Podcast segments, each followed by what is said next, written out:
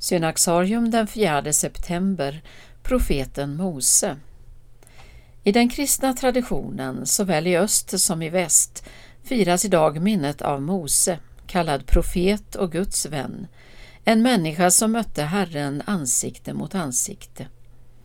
I avslutningen av Toran heter det om honom Aldrig mer har det i Israel framträtt en sådan profet som Mose. Mose levde sannolikt på 1200-talet före Kristus och föddes under det israeliska folkets slavperiod i Egypten.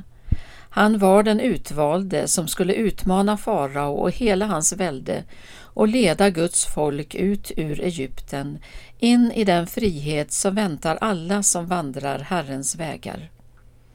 Hans mor gömde honom som nyfödd i vassen vid Nilstranden för att rädda honom undan faraos raseri.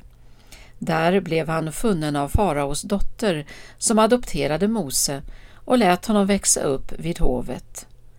Mose blev hemmastad i all Egyptens vishet, men som vuxen vägrade han att kallas son till faraos dotter, säger Hebreerbrevet.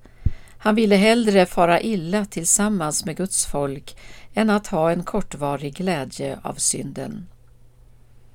Så blev Mose en förebild för alla som på Guds kallelse avstår denna tidsålders lockelser för att vinna en större rikedom. Men den unge Mose hade inte tålamod att vänta på Gud. Efter att ha slagit ihjäl en egyptier får han tillbringa 40 år i öknen. Denna period föregriper profetiskt Jesu 40 dagar i öknen när han frestas av djävulen och blir den första bibliska förebilden för den kristna 40 dagars fastan inför påsken. När tiden är inne kallar Gud på Mose, som mycket motvilligt tar på sig uppdraget. Med väldiga tecken och under leder han folket ut ur Egypten för att fira gudstjänst till Guds ära. Hans tålamod är oändligt när folket gång på gång gör uppror och han får därför eftermälet den saktmodigaste människan på jorden. Mose är det första förbundets främsta Kristusgestalt, den som instiftar påskhögtiden och leder folket genom Röda havet, det kristna dopets urbild. I femte Moseboken förkunnar Mose för folket Herren din Gud ska låta en profet lik mig träda fram ur dina bröders led.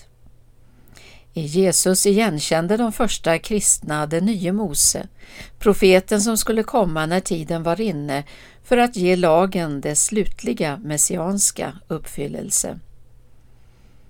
När Mose är 120 år gammal dör han, på tröskeln till löftets land, och Gud själv begraver honom i dalen mitt emot Bet-Pegor i Moab.